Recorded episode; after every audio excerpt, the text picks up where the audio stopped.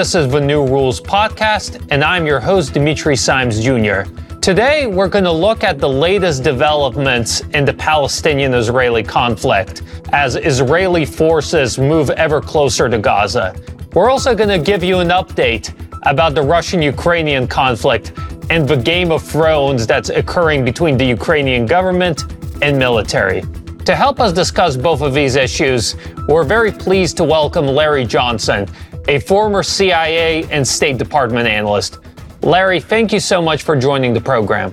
Glad to be with you. Thank you. So, Larry, let's start with Israel Palestine. As of the recording of this podcast, the Israeli forces have claimed that they have cut the Gaza Strip in half and effectively encircled Gaza City. By the time that this podcast comes out, there's a very good chance that Israeli forces will begin moving into the city itself. What do you make of the current situation and what do you expect to happen next? I, am always curious about this expression. They're, they've now surrounded it. It was already surrounded, you know, before they started this operation. So now they're uh, penetrating, trying to split it in half. I think their ultimate objective is to depopulate the northern part, occupy that, ultimately send their own settlers in to uh, take it over. Uh, we're not really getting a lot of good information about how the actual progress of their operations going. You know, some of the Israeli sources touted as great success, and then you're seeing on some of the Telegram channels that uh, Hamas is putting out that uh, they're actually doing a pretty good job of attacking uh, the flanks of these columns and, and inflicting a lot of casualties.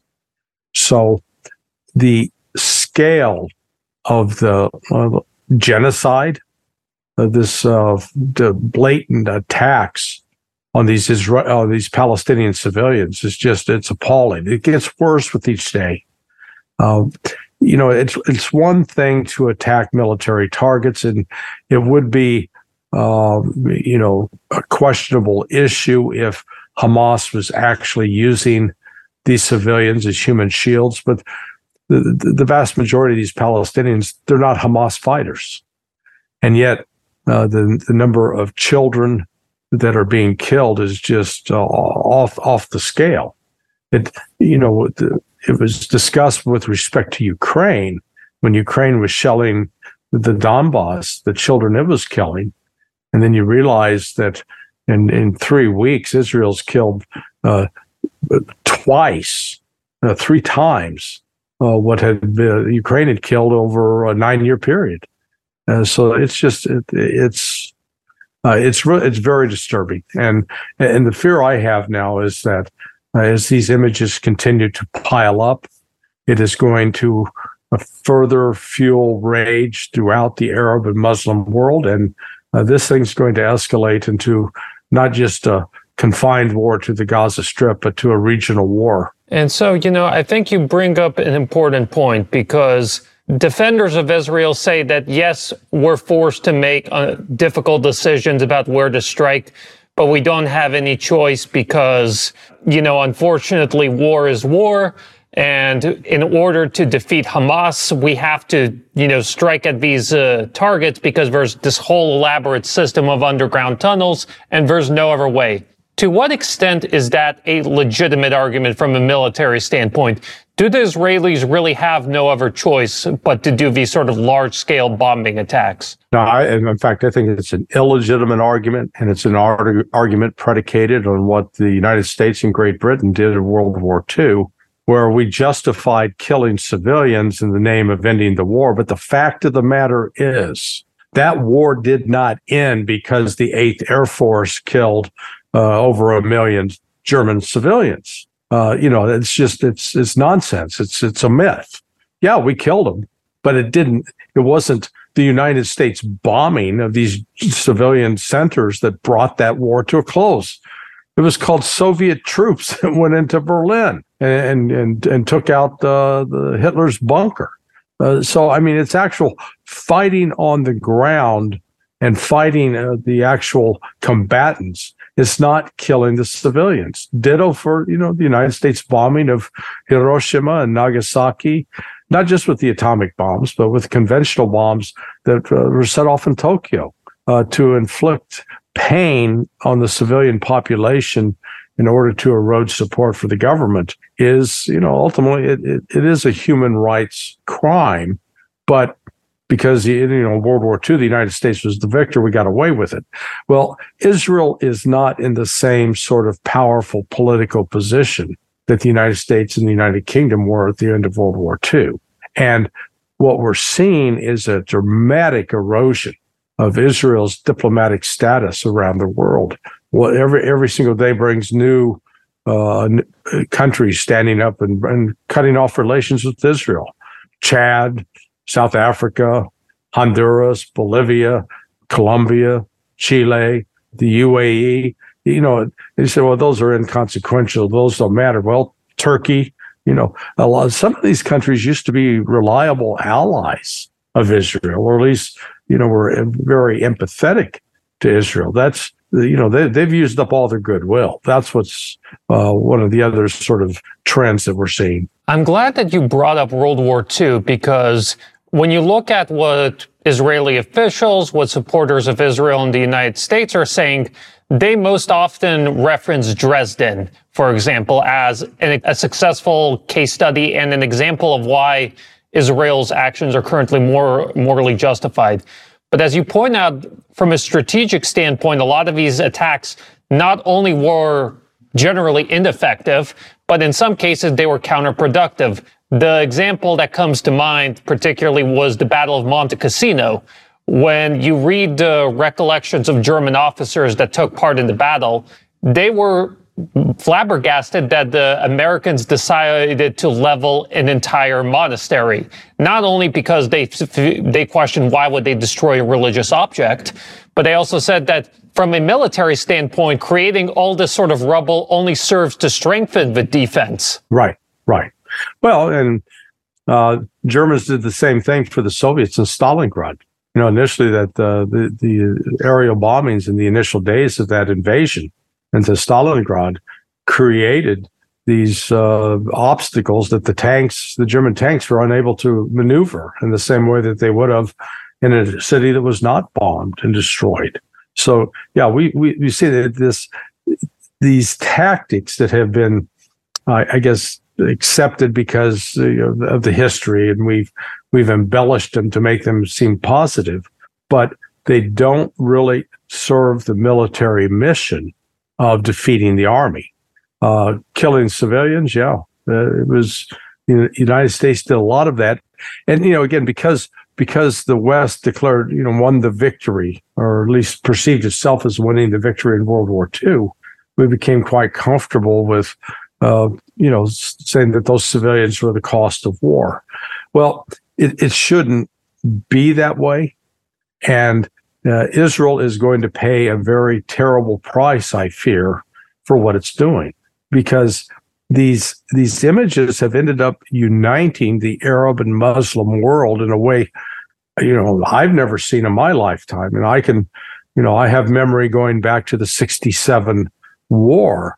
You know, the Israel used to be sort of touted as the David versus this uh, Arab Goliath, and this, you know, puny puny power fighting against this massive odds and rising up.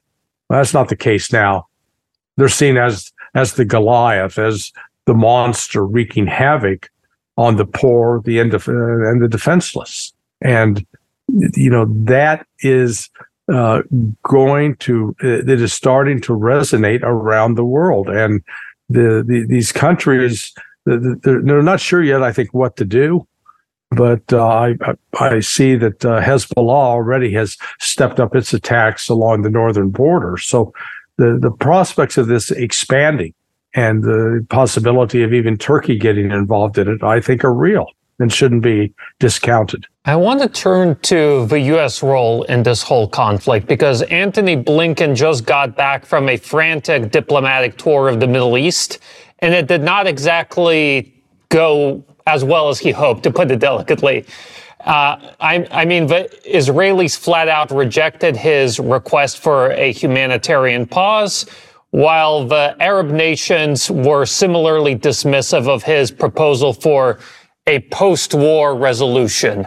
So I guess the question I have is why is there such a disconnect between the Biden administration and its Middle Eastern allies on both sides of the aisle? They they're pandering to domestic politics. They don't have any kind of strategic vision. So we've seen the message shift from initial uh, unqualified support for Israel to going Blinken trying to sell this. Hey, let's get a group of uh, Arab nations together as a peacekeeping force, and once this war is over, we'll go and we'll go with you into Gaza and and provide uh, security. And, and, and the Arab nations looked at him and said, "Are you, are you crazy? You got to stop this killing first. You got to you got to put Israel back in its cage. It, it can't continue like this." Um, the United States policy is driven, and unfortunately, by a very powerful Jewish lobby, uh, or let's call it pro-Zionist uh, lobby, that uh, they they dress up as Jews, but they're not religious. A lot of them are not religious Jews, so they they really sort of reject the foundations of Judaism, but they're very much pro-Zionist, and they, they, they, there's a lot of money there that goes to Republicans and Democrats alike. So it is almost a condition if you're going to be in Congress that you have to be a pro-Israel. And there are, you know, a small number of uh, Congress uh, representatives. Uh, I'm thinking of Rashida Tlaib is one who are very pro-Palestinian, and even their attempts to speak out uh, are quashed. Uh, they're uh, attacked verbally. So the, the, United States policy on this is is, is leaning heavily to the pro-Israel side, and yet now you're seeing the Biden administration openly talk about two state solution. Well, that two state solution has zero support among the majority of the Congress.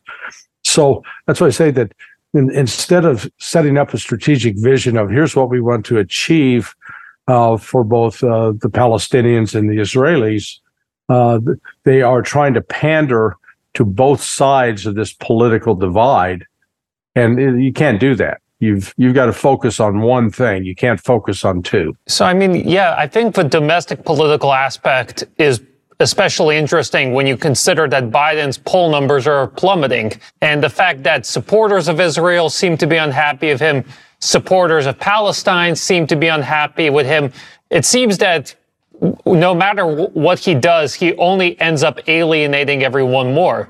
So I have to ask, you know, we're in the midst of this tense geopolitical situation.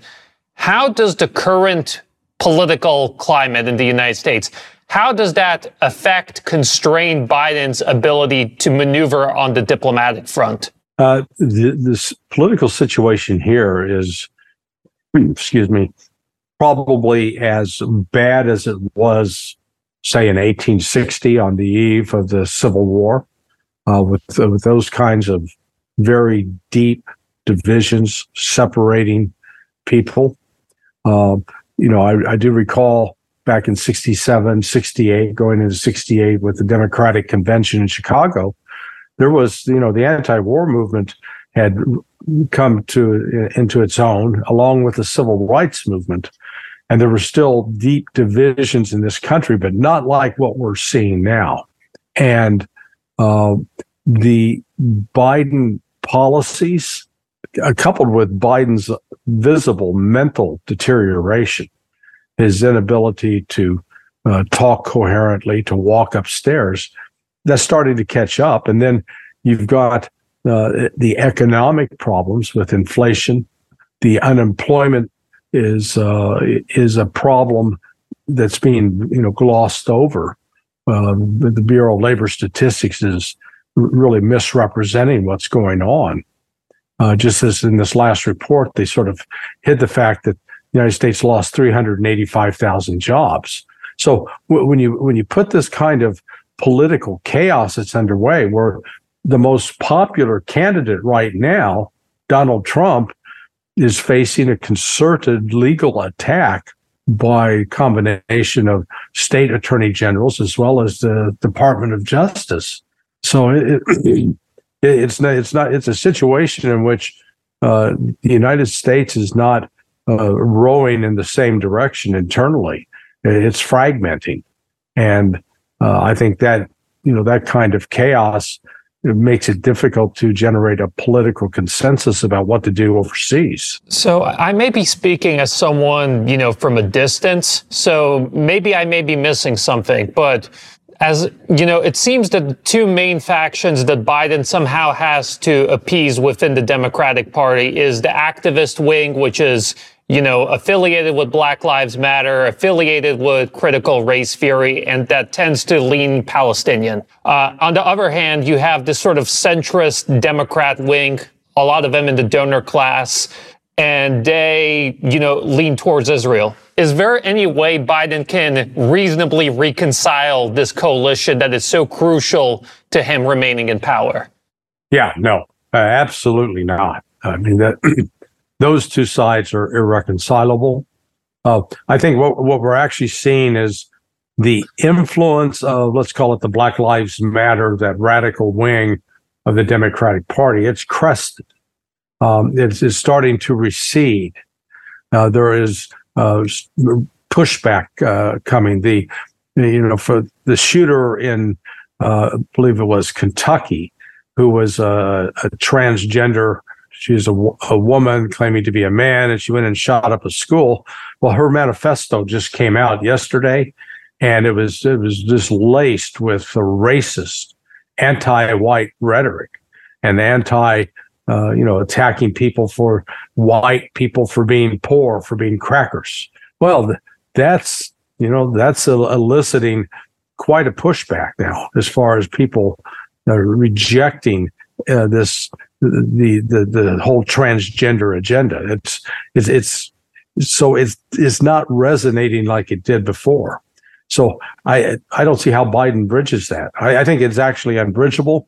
Well, we'll have a good indication today in the United States. Uh, today's Tuesday, um, with the elections that are underway in places like Virginia. We'll see if the if the far left agenda is going to be. I'm not sure far left's the right way to call to describe it. It is an agenda that's based upon skin color. It's an agenda that's based upon denying science, denying biology, uh, embracing the notion that men can have babies.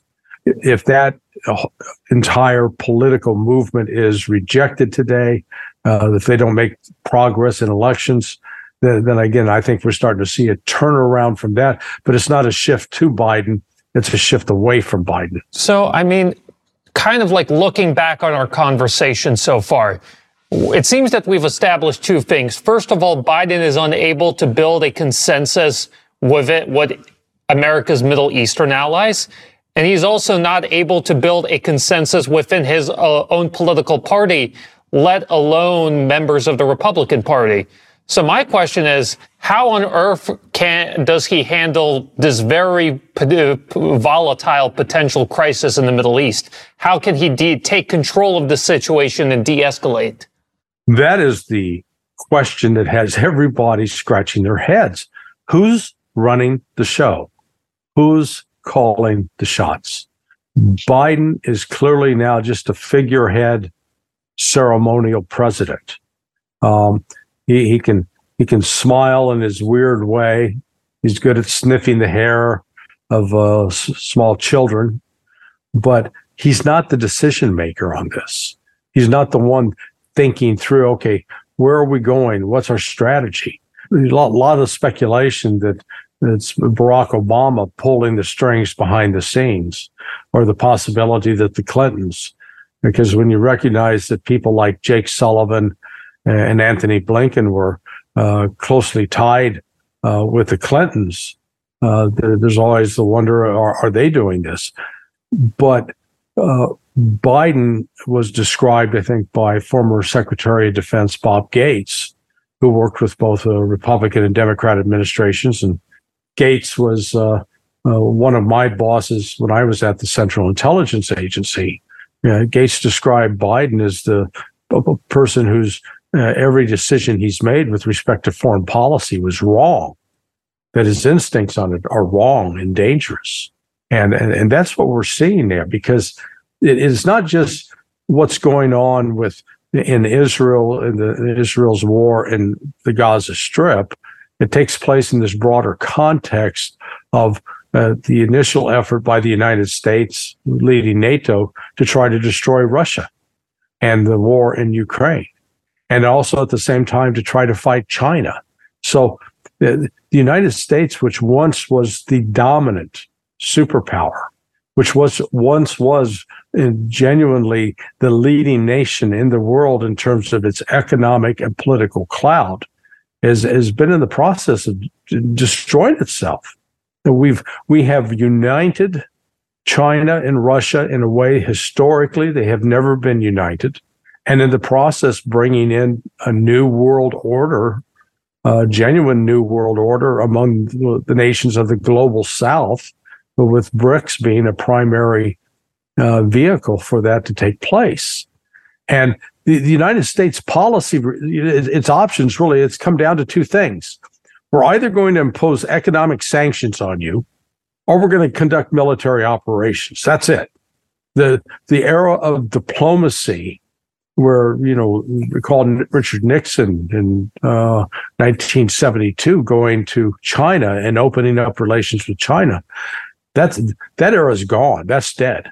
The, the, the United States now is is basically a bully uh, we're either going to impose economic sanctions on you, which is we've seen in the case of Russia, completely backfired, uh, or we're going to engage with a uh, engage you militarily, which is you know you know the United States is of all countries in the world since 1991, and this is according to the Congressional Research Service. It's not a Larry Johnson opinion. The United States has been involved with over 200 military operations in foreign countries since 1990. So, you know, we're, we're looking at 30, 33 years of military adventurism by the United States. And, you know, we always, uh, it's curious that in, in this process, the United States political figures will always decry the, the military threat posed by China and by Russia. Yet Russia and China haven't invaded any other countries, uh, you know, apart from uh, Russia going into Ukraine on its border. But you know, it is just it's it's projection, psychological projection.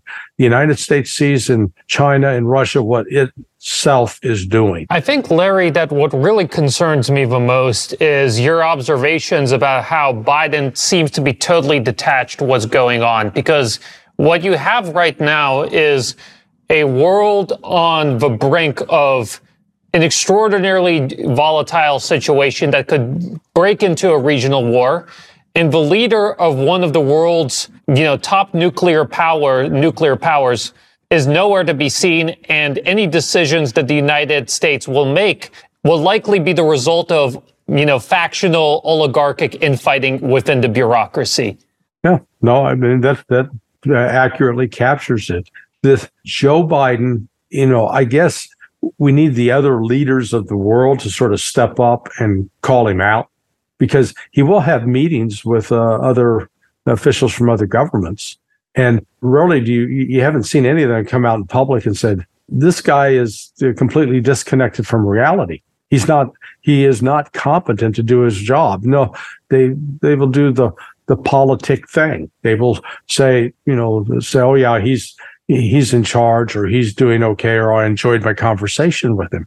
So we, I don't know about you if you've tried to read the history of how the world stumbled into World War One, when you're reading that, you're saying, how could people be that that uh, crazy? Well, now we know because we're in the process of doing the same thing.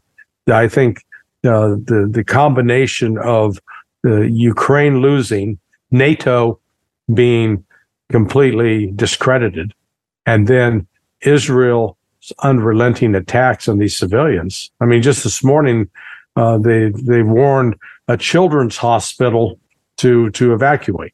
Now, remember, Israel claimed that it, it wasn't attacking hospitals. Yeah, it keeps warning people in hospitals to get out because it's going to bomb them.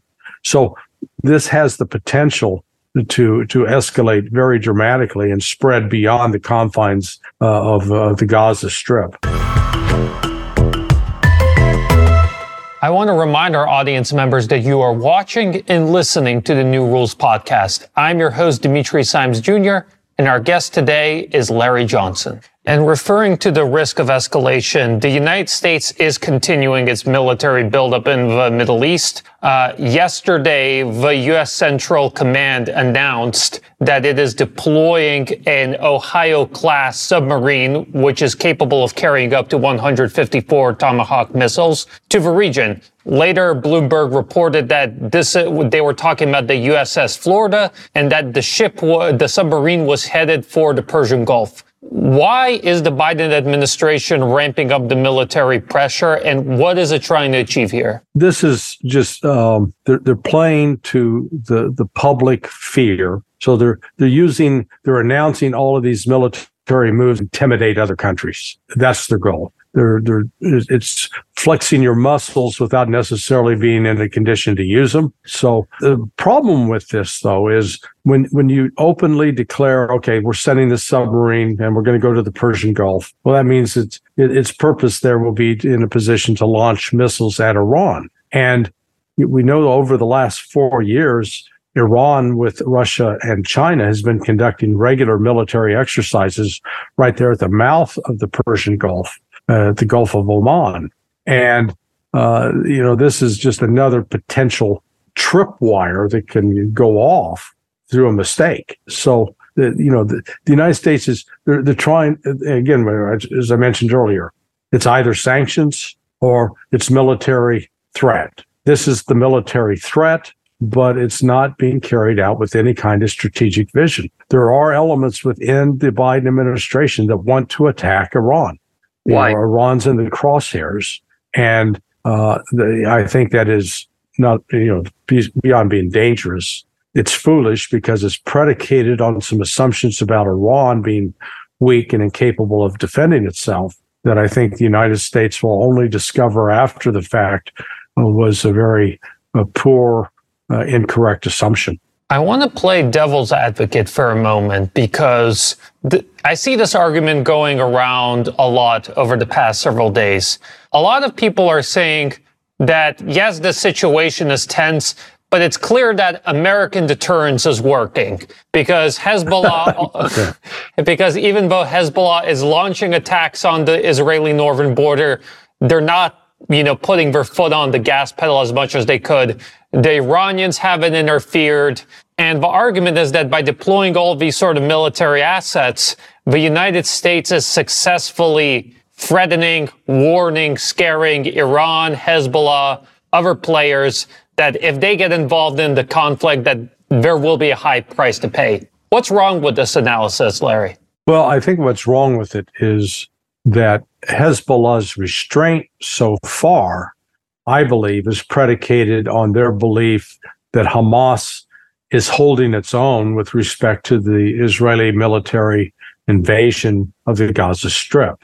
That Hamas is not in desperate straits of uh, losing uh, on the ground militarily.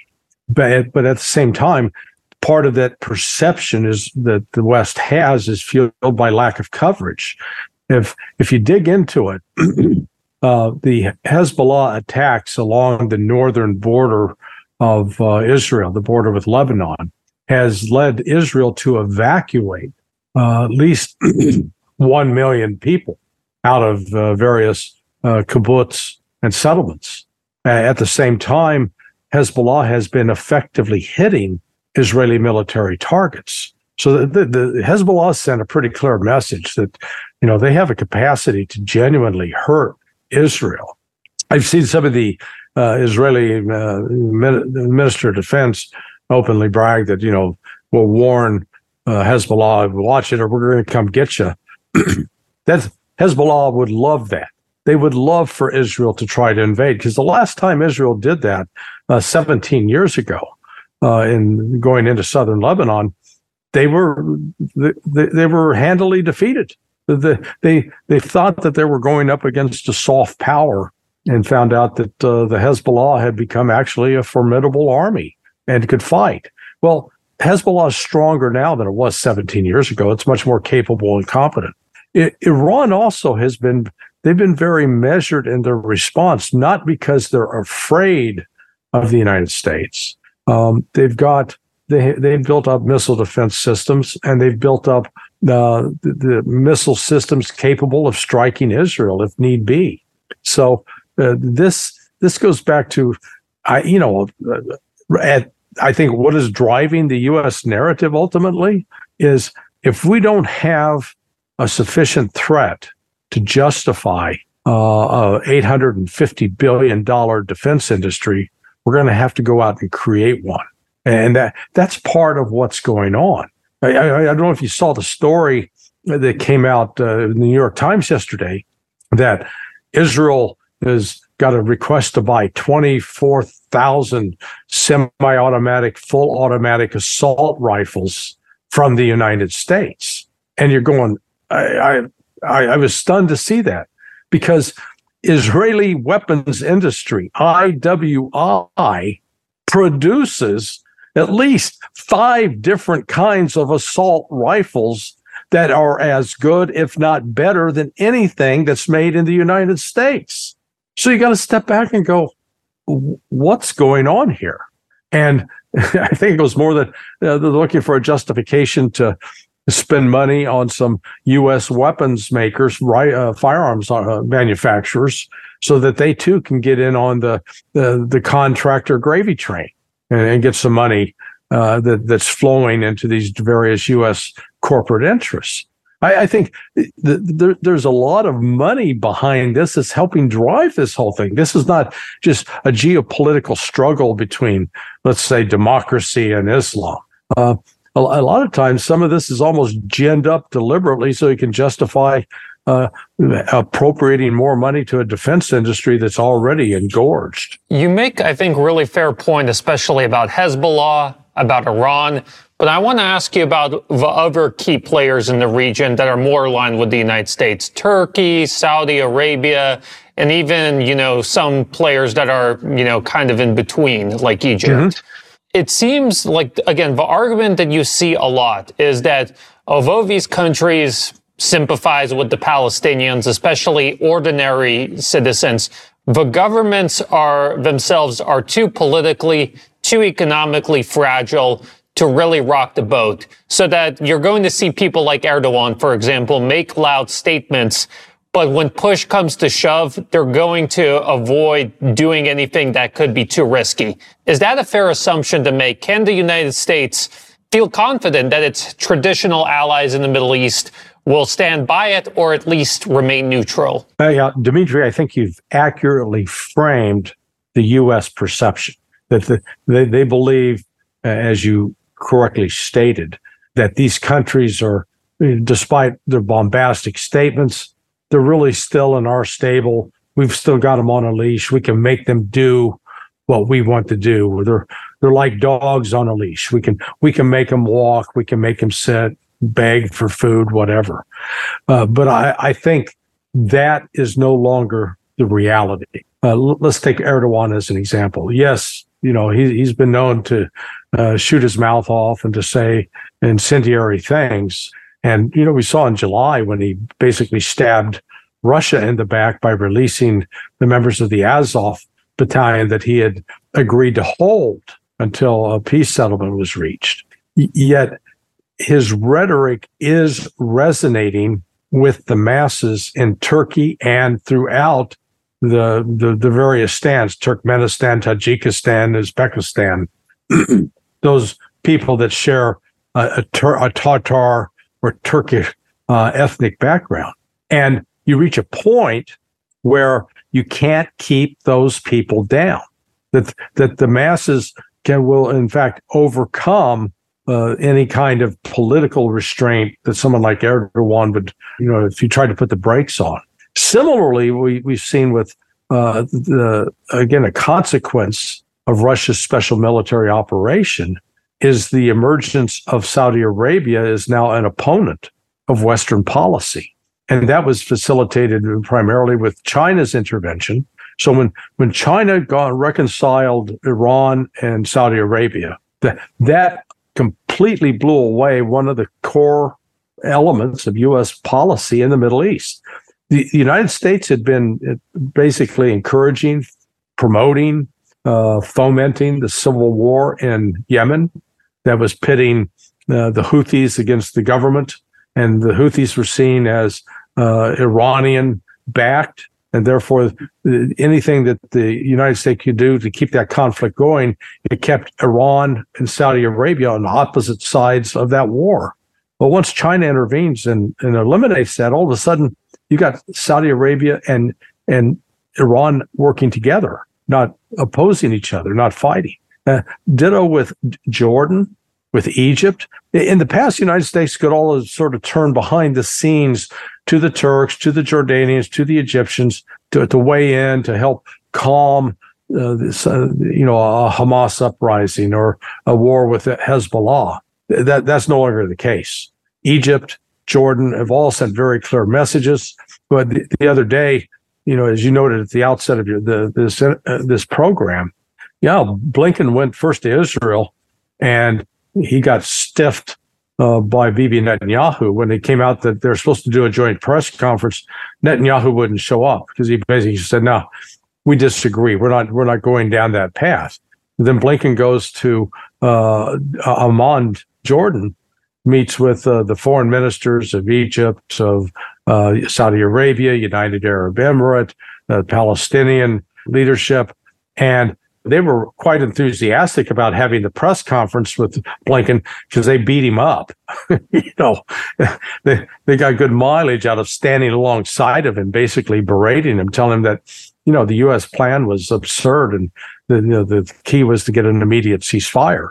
And then Blinken goes off to Iraq, same kind of reception, shows up in Turkey. The Turkey sent out like the deputy mayor of Ankara to greet him when he gets off the plane. Look at the contrast uh, from uh, last week, I believe, or a week and a half ago. when Iran's foreign minister shows up, you know, the, the Turkish foreign minister is there to greet him. And then after their meetings, walks him in to see Erdogan. So, you know, Iran is getting treated in a way that the representative of the United States was not. So uh, th- these other countries have sort of coalesced right now around the Palestinian issue in a way that we've never seen in the last 75 years since the creation of the state of Israel. Let's turn to more bad news for Biden, this time on the Ukrainian front. And what I'm particularly referring to is that there are growing signs of a rift between Zelensky and Ukraine's top military commander, Valery Zaluzhny. For the benefit of our audience members, I want to give some brief context. Uh, last week, uh, Zaluzhny publishes this extensive article in The Economist magazine where he explains that the Russia Ukraine conflict has entered a stalemate. This provokes an angry response from Zelensky publicly, and Zelensky moves to remove uh, some of Zaluzhny's top aides. But the real kicker, I think, came yesterday when one of Zaluzhny's closest advisors was killed uh, after he opened a birthday present that contained a grenade. So, Larry, let's unpack what's going on here and how serious is this growing disagreement between Zelensky and Zaluzhny in your view? It's always important to pay close attention to what's going on in the media because these stories don't just appear out of nowhere. It's not like some intrepid economist reporter was saying, "Hey, you know, I think it'd be a pretty nifty if I could go interview General Zaluzhny," because that I, I, think that that entire arrangement was uh, was made possible through the intervention of MI6 to to get Zaluzhny's uh, profile raised in the West. And and remember in that Economist magazine, he was interviewed. He then wrote an op-ed, and they gave him a longer piece online. So the Economist online. So you know, Zaluzhny got three hits, and you know he was seen as undermining the message that had been coming out uh, of Ukraine. And then this grenade that went off, I, have seen a couple of different accounts that, you know, someone gave him a live grenade and they were, his son was playing with it and pull, accidentally pulled the pin and it went off. But, you know, it sure seems like uh, sabotage, and uh, you know Zelensky still has support within the SBU, and it would not be at all beyond the SBU for uh, Zelensky to think it's a good idea to send a message like this to try to intimidate Zaluzhny. And over the over the last year, we've seen conflict within the military between Zaluzhny and Syrskyi. But I commented to a friend of mine last night the the old the old uh, uh, expression "you don't bring a knife to a gunfight." Well, it, it looks like Zelensky is bringing the equivalent of a knife to a gunfight. The people around Zaluzhny they have firearms, they have weapons, and this would not be the first time that you see in world history that a group of military officers decides that the political leadership is corrupt, crazy, out of control, and they intervened to take him out. And the the, the fact that Zaluzhny was allowed to publish in The Economist is, I take as another sign of weakening support in the West, both in the UK and the United States for Zelensky. Remember, a week ago, Time magazine, who had featured Zelensky on its front cover uh, in 2022 as man of the year, you know, they they described him as like the reincarnation of Winston Churchill, and uh, you know this man, this great military strategist. Uh, he, he now was put on the front cover of Time and and decried as basically like Adolf Hitler in his last days, delusional, out of touch with reality, crazy. So I, when I see those kinds of articles appear from both British sources and American sources, it's telling me that the political establishments in both places are preparing the exit ramp for Zaluzhny. And Zelensky may be seen as someone that they want to replace Zelensky with. And so I, we're we're at the stage now in this entire affair where the infighting is now it's it's, it's becoming lethal.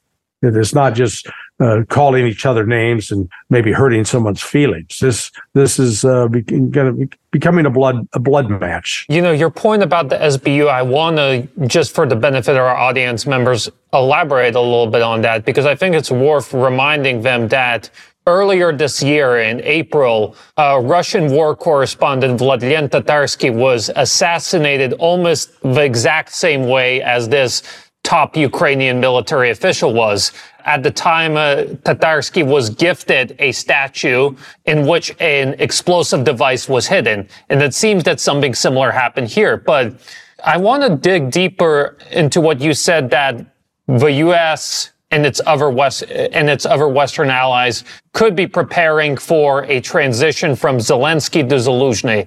Why might Biden and other Western leaders prefer Zaluzhny over Zelensky? Uh, Zelensky is expendable. I mean, he's been he's been the puppet. He had he had zero qualification to take on the presidency. You know, he he was a comedian notorious for his ability to use uh, his genitalia to play the piano. You know, that that's not exactly a qualifying uh, skill. Uh, so uh, I, I, think they, they, they see with Zaluzhny the possibility of someone who could negotiate with Russia, uh, because Zaluzhny uh, back in the day at least had contacts with and trained with uh, members of the Russian military before the split. You know, before Ukraine sort of went in its own direction but you know it's not just time magazine it's not just the economist nbc news put out the article about negotiations so clearly the the you know the one voice that used to be that ukraine's winning russia's losing putin's dying putin's dead the economy's in shambles in russia russian military is incompetent and that you know that whole information operation you know that's now been set aside. The the new information operation is ukraine doesn't have the manpower to survive. Ukraine's got to find a negotiated way out.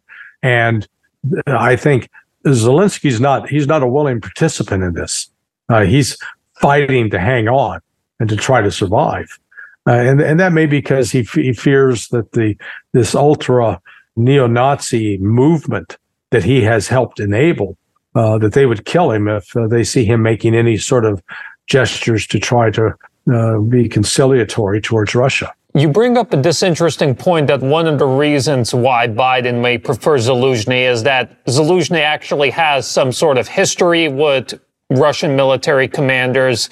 And this seems to be part of this larger trend, larger indication that there's signs of what Ukraine fatigue in the West. There are these n- numerous reports of how U.S. and European officials are privately urging the Ukrainian government to seek peace negotiations with Russia and even make territorial concessions. Longtime members of the show know that I'm a Ukraine fatigue skeptic. Uh, but I want to ask you, do you really think that there's genuine Ukraine fatigue in the United States, including among the political class? Yeah. well, you know, at the outset, two years ago now, almost two years ago, a lot of Americans walked around with the Ukrainian flag on their lapel, Ukrainian flags planted out in front of their yards, etc. That's not the case now. You're, they're scraping off the Ukrainian bumper stickers. Uh, they're putting on the Israeli flag. Uh, they're putting on the Israeli flag pin, lapel pin. The United States can't do two things at once. It uh, has really not had that ability for probably 30 years. Uh, so the military effort has shifted to Israel uh, away from Ukraine. And but what had been exposed up until the uh, October 7th, prior to October 7th, when Hamas uh, launched its attack into Israel and then Israel began its retaliation, is that we had already established that the West was could not supply Ukraine with what it needed to be able to fight on the battlefront. Um, you know, they did not have adequate supplies of HIMARS or of 155 millimeter shells or even Patriot missile batteries. They were they were having to sort of husband them, uh, deal them out uh, carefully because it was being rationed. Our, the United States no longer has an industrial base that it can just flip the switch and all of a sudden you're going to get the production of all this uh, modern weaponry.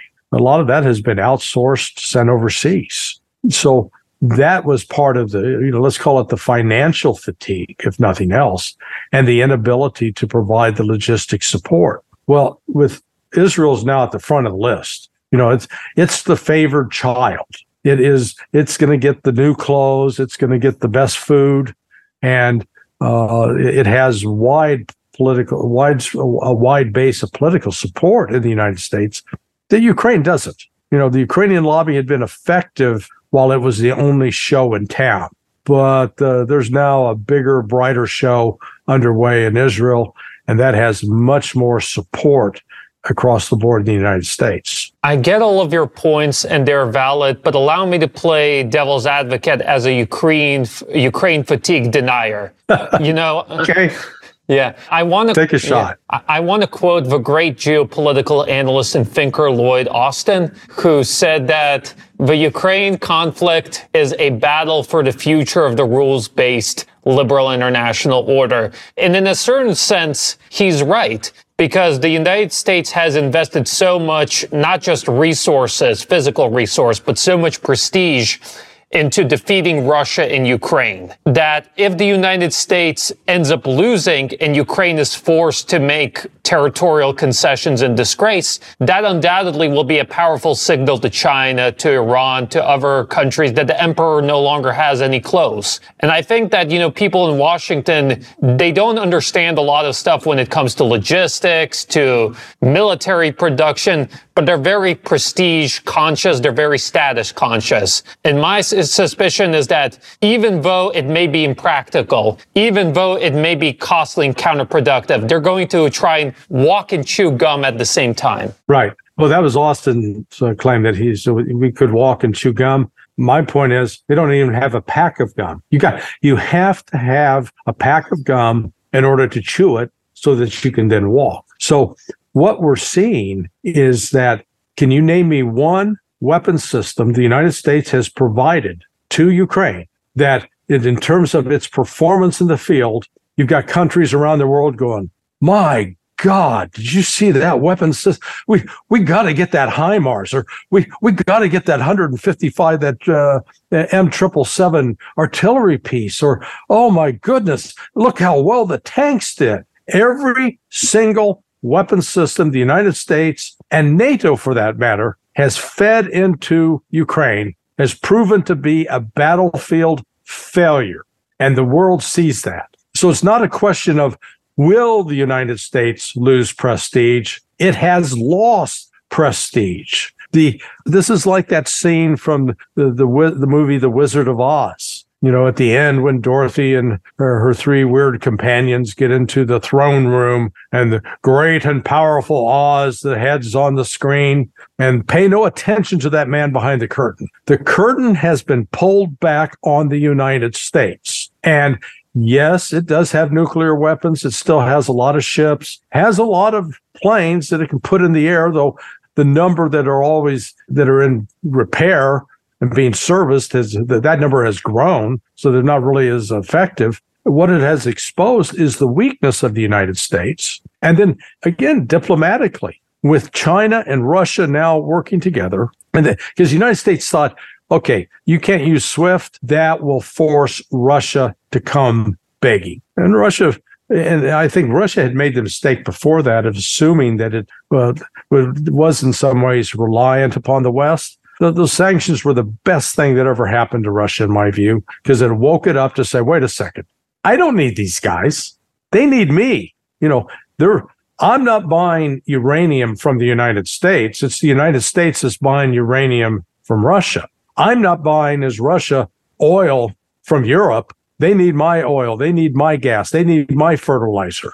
So all of a sudden, Russia awakened to the fact that it was a, a very potent economic power. So that's where the, the United States has no more military options to provide to Ukraine. We're certainly not going to now send in troops. And yeah, oh, okay, let's say they deploy the F 16. it's just one more plane that Russia's going to be shooting down. And as they, you know, as they kill the pilots, Ukraine doesn't have any new options to go to. So it's just, you know, Austin's we can walk and chew gum. He's delusional. He is so out of touch with reality. But I, I have friends that served under him when he was in Afghanistan. He's not a smart man. He is a he is a product of the United States promoting a guy because of the color of his skin, not because of the power of his brains. So, what does Biden do from here? Because it seems like he's damned if he does, damned if he doesn't. And I know that people in Washington D.C. aren't used to making difficult decisions. They aren't used to making trade-offs over the past 30 years. So, how does Biden navigate through this sort of catch-22 situation that he finds himself in regards to to Ukraine right now. Though that's the fear here is that because he doesn't have a clear vision of what he's trying to do, uh, you know, see what's what's the end of what's the light at the end of the tunnel. That he's going to make uh, a, a, reckless, emotional decision, and, and similar, and the same applies to his the people around him. The the Jake Sullivan, the advisor, Antony Blinken, the Secretary of State, Victoria Nuland, the Deputy Secretary of State, and Lloyd Austin. And this, you know, we haven't really heard much of this Charlie Brown, who's the new, he's the replacement for Mark Milley as the chairman of the Joint Chiefs of Staff. There is not a person of stature and good judgment in that group. And so the, the odds are they're going to make a very wrong decision. They're not, they're not going to, they're not strategic chess players. They're reacting to, they're more like uh, go to a carnival and play whack-a-mole you know the the head pops up out of a hole and you try to hit it that's where that's where we're at. I want to remind our audience members that you watched and listened to the New Rules podcast. I'm your host Dimitri Simes Jr. and our guest today was Larry Johnson.